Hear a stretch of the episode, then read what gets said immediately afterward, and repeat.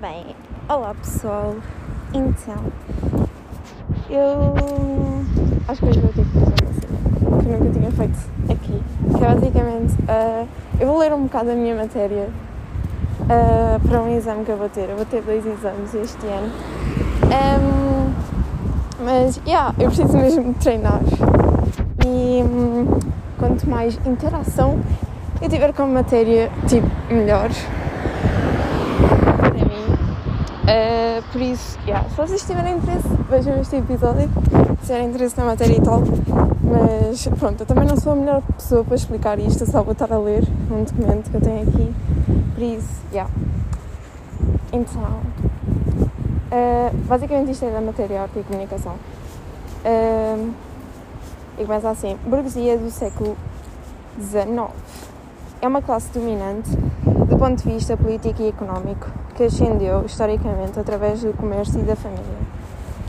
Ao longo deste século e até ao século XX, existe um ataque por parte dos artistas a esta classe. Depois, Baudelaire vinha de uma família burguesa abastada e desde cedo que apresentou como um rebelde por estar em conflito com a classe de onde era oriente. Viveu de forma boêmia, uh, como muitos artistas da época, fora de qualquer canon um, burguês. Relacionava-se com prostitutas, sendo alcoólica, etc. Podendo dizer que, de certa forma, viveu como um marginal. Ok. O seu estilo de vida está presente nas suas obras, como na Perde de Aurélia, e em A Dignidade Aborrece-me. A obra mais importante é Flores do Mal, que traduz todo o fascínio que tinha pelo mal, contradizendo o socialmente expectável. Baudelaire é um ascensor do movimento simbolista do século XX.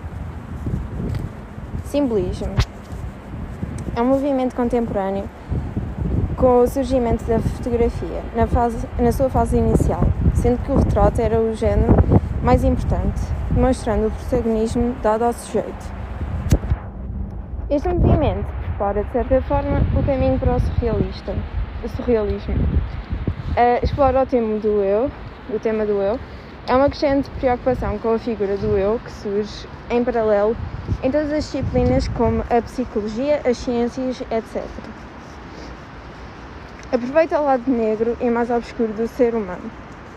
Dá bastante importância à noite, ligada à fantasia, sono, sonho, etc.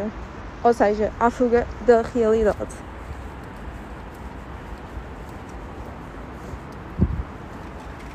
A noite. A noite é um momento privilegiado da experiência, pois sonhamos, chegando ao inconsciente. A noite é também quando a vida boêmia começa, de fato, uh, só o aparecimento da lua, que tem um papel fulcral, um, devido à sua consciência misturada, misteriosa e pura. A noite é ainda um período que contrasta com o sendo quando se dá a cons consolidação da industrialização. O trabalho é industrial e capitalista com a própria em com a produção em série. É um trabalho duro, mecânico e repetitivo. A noite é quando o trabalho para e surge um reverso da rotina do trabalho. Um vazio, a inutilidade e a vida boêmia. A viagem é um tema importante nas artes do século XIX, desde a literatura à pintura, sendo que este século é ainda um período de exploração de colónias por parte da sociedade ocidental é um período onde as viagens são muito, algo muito comuns. Por outro lado, a industrialização veio facilitar a mobilidade, como os comboios, e permitir que as pessoas pudessem viajar mais felizes e ir para mais longe. A viagem tem como base uma ideia muito romântica de que o objetivo é ir e mudar e talvez não regressar. A religião é bastante criticada por Baudelaire e pelos simbolistas com o surgimento do iluminismo, vê-se uma fragilização do discurso religioso, reintroduzindo-se o princípio da razão e surgindo a separação dos outros. campos sociais, como a educação e a, e a arte da própria religião. Com esta separação, uh, vemos ao, uh, ao desenvolvimento do conhecimento e da educação e ainda a autonomia da arte. A autonomia da arte resulta do processo histórico que acaba no iluminismo. Com esta autonomia, alguns temas até então considerados tabus começam a ser abordados e representados. Esta autonomia implicava que a arte não se iria reger segundo os ideais, valores, ordens, etc. de outros campos, desde a política à religião, passando pela família, tra tradição, etc. Baudelaire defendia que a arte era livre e que por esse motivo também ele era livre de tratar de alguns assuntos como o mal, inimigo da religião. Bem, da cidade é, é importante para a sociedade do século XIX por ser um centro demográfico em constante crescimento. Este é então o local de tradição, porque resulta numa reunião de pessoas de contextos diferentes, isto é, de tradições diferentes.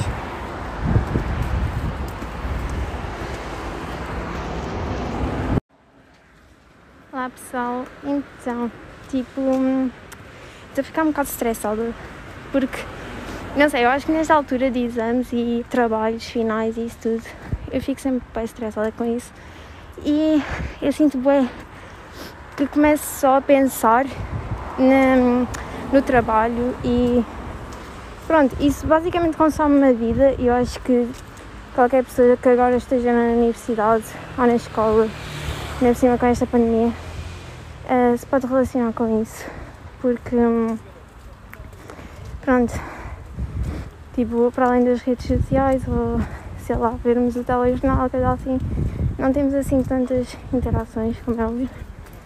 Então, então, yeah, acho que acabamos um, ficar um bocado dependentes e, não é obcecados, mas demasiado a pensar só naquilo, porque é a única coisa que no fundo nos ocupa tempo. Um, mas yeah, eu tenho tentado, tipo, pronto, a faculdade é a minha prioridade, mas eu tenho tentado que isso não consuma a minha vida, porque eu sei que se eu meter, se eu deixar isso consumir a minha vida, quando eu entrar de férias ou mesmo quando a faculdade acabar. Neste momento estou no último ano, por isso já está quase a acabar. Eu sinto que já não vou ter nada para fazer. Pelo menos eu já senti isso uma vez. Uh, por exemplo, estar demasiado focada na escola ou na, até no secundário. E hum, depois quando aquilo acabou, ou quando estava de férias, eu sentia que não tinha assim nada, não tinha nenhum hobby, não tinha assim nada que eu gostasse mesmo de fazer. E e pronto. Eu tenho um, medo, um bocado de medo que isso aconteça outra vez, por isso é que também eu não estou todos os segundos, todos os minutos agarrada ao computador uh, e a fazer apontamentos e isso tudo. Um, porque ainda por cima o meu curso é mais prático, por isso eu estou sempre a fazer trabalhos, é mesmo só computador, fazer trabalhos. Um, e estudar é um bocado mais. Eu só tenho dois exames, por isso é um bocado mais soft. Mas pronto, eu tenho tentado fazer os, os trabalhos e depois, quando não estou a fazê-los, não pensar neles, pensar noutras coisas e pronto. Com os exames, quando começar a altura dos exames, que é mais em fevereiro, aí é que eu sinto que vou ter de estar muito mais empenhada, porque são exames e eu tenho que estar com a matéria toda na minha mente para depois, quando chegar o dia D, ter tudo para poder fazer um bom teste. Mas, é. Yeah. Acho que agora vou ler um bocadinho mais sobre a matéria. Um, yeah, porque assim também pratico enquanto estou a dar esta caminhada. Uh, porque lá está, tipo, não é, não é sentir pressão, mas eu acho que toda a gente sente, por isso, yeah.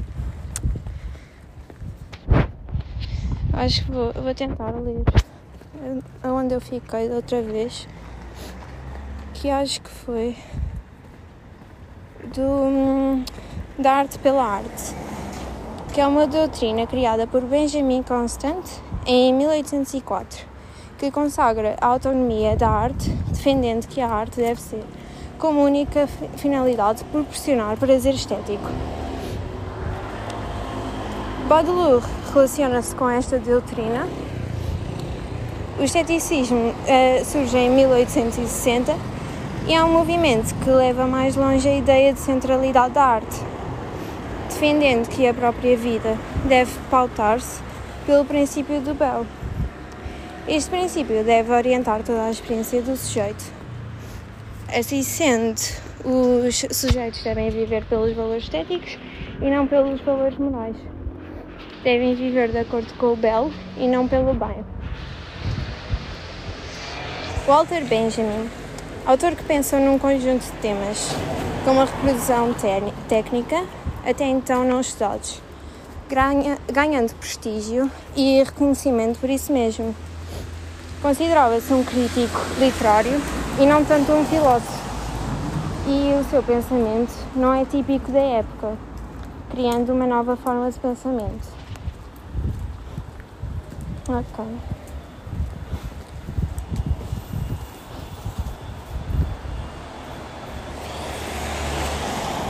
Benjamin vai partir da arquitetura e das galerias comerciais para fazer uma reflexão filosófica do contexto em que vivia.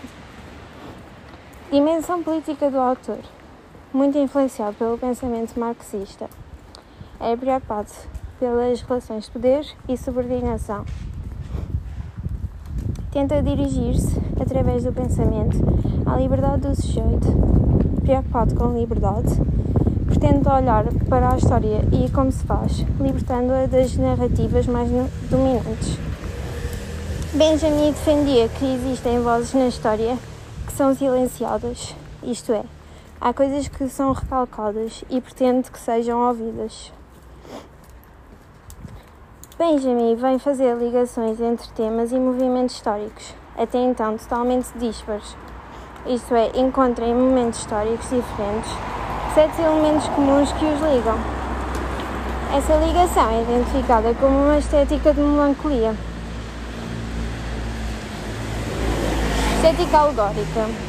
Benjamin pegou na alegoria, figura de estilo do barroco que demonstra fragmentação e aplicou-as às vanguardas artísticas do século XX, as colagens, identificando como uma criação de montagens de fragmentos. A estética alegórica é então uma estética fragmentada, quer ao nível da criação da obra, quer ao nível da apreciação, por ser interpretada como um vazio. Reprodução técnica. Benjamin escreve sobre a reprodução técnica sendo um texto onde reflete sobre a arte, mas com uma intenção política. Sendo, de facto, as questões políticas abordadas na introdução. No início do século XX, a reprodução técnica toma por objetivo a totalidade das obras de arte provenientes do passado e conquista o seu lugar entre os procedimentos técnicos. Benjamin, com o texto, propôs criar novos conceitos considerou que permitiam a formulação de exigências revolucionárias na política da arte, isto é, conceitos que permitiriam pensar numa política da arte. Estes conceitos distinguem-se de outros considerados perigosos, como a criatividade, a genialidade, o valor extremo e secreto, que podem ganhar sentido fascista conceitos que cria pretende estar longe de qualquer valores ou ideais fascistas. O texto aborda o impacto da reprodução técnica na arte do século XX e é dividido por vários tópicos. A aura, o aqui e agora da obra de arte. A aura da obra de arte é o que faz com que esta seja única. A presença única, o facto de ser uma obra única composta por materiais, por uma história, por ser algo existente e físico, ou seja, remete para a singularidade da obra. É por ser tão singular que a obra entra em crise com a reprodução técnica. a cópia ataca a originalidade da obra. A obra de arte. Jesus, está bem som. Ok, a obra de arte com aura faz com que nunca nos possamos apropriar totalmente de uma obra, pois mantém-se sempre a uma certa distância. Podemos então dizer que a reprodução técnica estilhaça a obra, pois retira a sua singularidade e, ao reproduzir a obra, aproxima-a das massas. Sendo que os agentes fundamentais da sociedade moderna e industrial são as massas e estas desejam proximidade com as coisas e pretendem apropriar-se delas, as massas rejeitam de certa forma o caráter único, preferindo o massificado liquidação do valor da tradição na herança cultural. A crise da aura é vista como envolvendo uma ambivalência. Por um lado, é uma perda da tradição, instaurando uma certa melancolia. A perda da Aurélia representa a entrada em crise do valor de culto da obra. Porém, e por outro lado, com a reprodução técnica, a perda da aura é da tradição e da tradição surge a possibilidade de ligar a arte à política. Isto porque, ao, ao atacar o culto da arte, esta, per esta perda emancipadora vai permitir que o público seja mais crítico e, por consequente, mais ativo, perdendo a passividade ligada ao culto e à tradição. Um dos principais agentes do fenómeno da participação mais crítica e ativa do público é o cinema. Pois chega a mais pessoas, é uma arte das massas e que entretém. Ao mesmo tempo que entretém, o cinema desenvolve no público capacidades críticas. O cinema é, assim, uma reprodução técnica, uma, uma arte sem aura.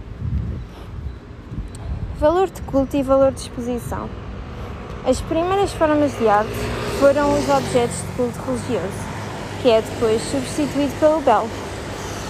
Vemos então uma transformação onde quanto mais escasso o objeto e quanto menos acesso a pessoas têm esse mesmo objeto, mais valor de culto tem. Benjamin defende então que a inovação tecnológica são criadas as condições para a arte ter um valor de exposição maior ao valor de culto, sendo que até então esses valores eram opostos. Valor de exposição. Agora estão a passar o poeta.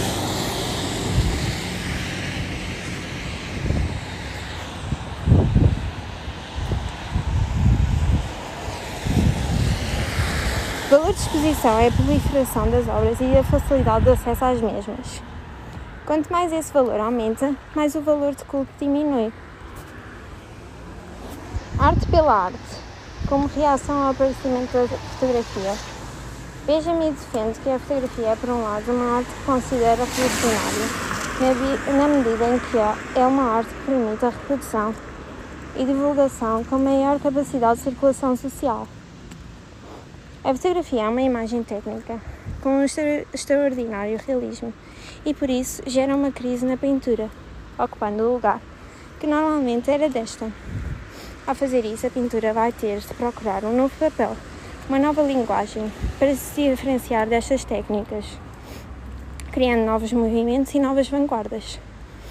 A fotografia tem, no entanto, um elemento que mantém o valor de culto, o rosto, ou seja, o retrato, que mantém, de certa forma, o culto e a tradição, sendo que no século XIX quando a fotografia surge, o retrato é ainda algo muito elitista.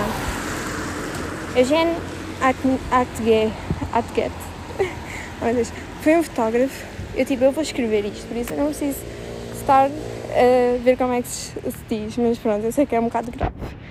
Mas, ok, continuando. Um, mas pronto, foi um fotógrafo que retirava o protagonismo da fotografia humana e centrava-se em espaços vazios, cidades, etc.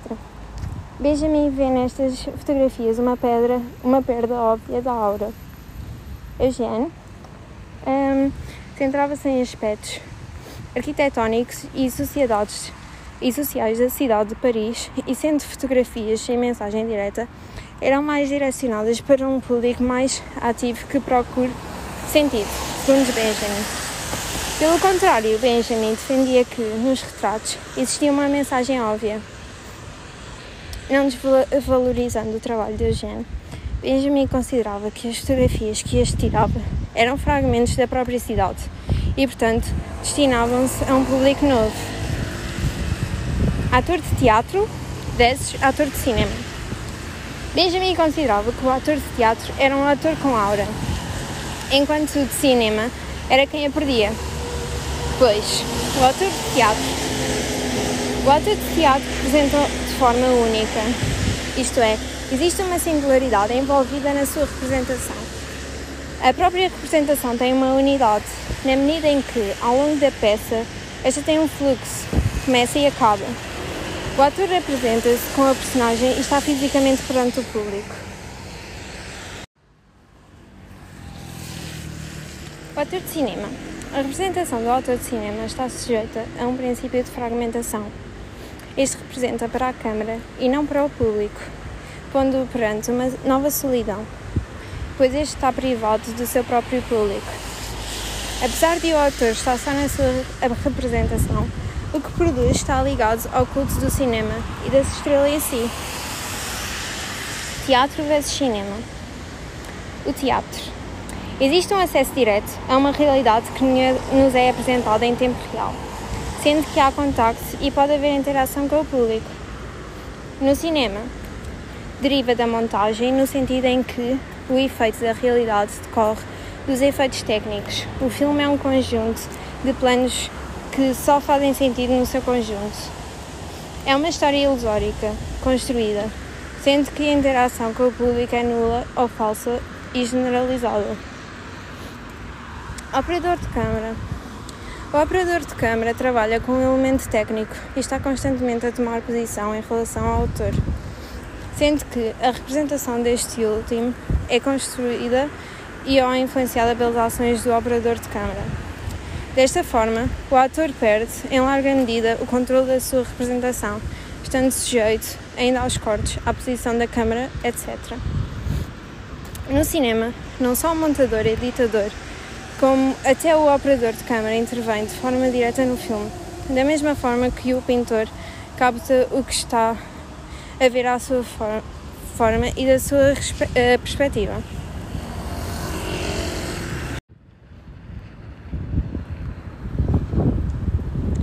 entanto, podemos dizer que o pintor mantém uma certa distância com o que pinta, enquanto o operador aproxima-se do que capta, fazendo diferentes cálculos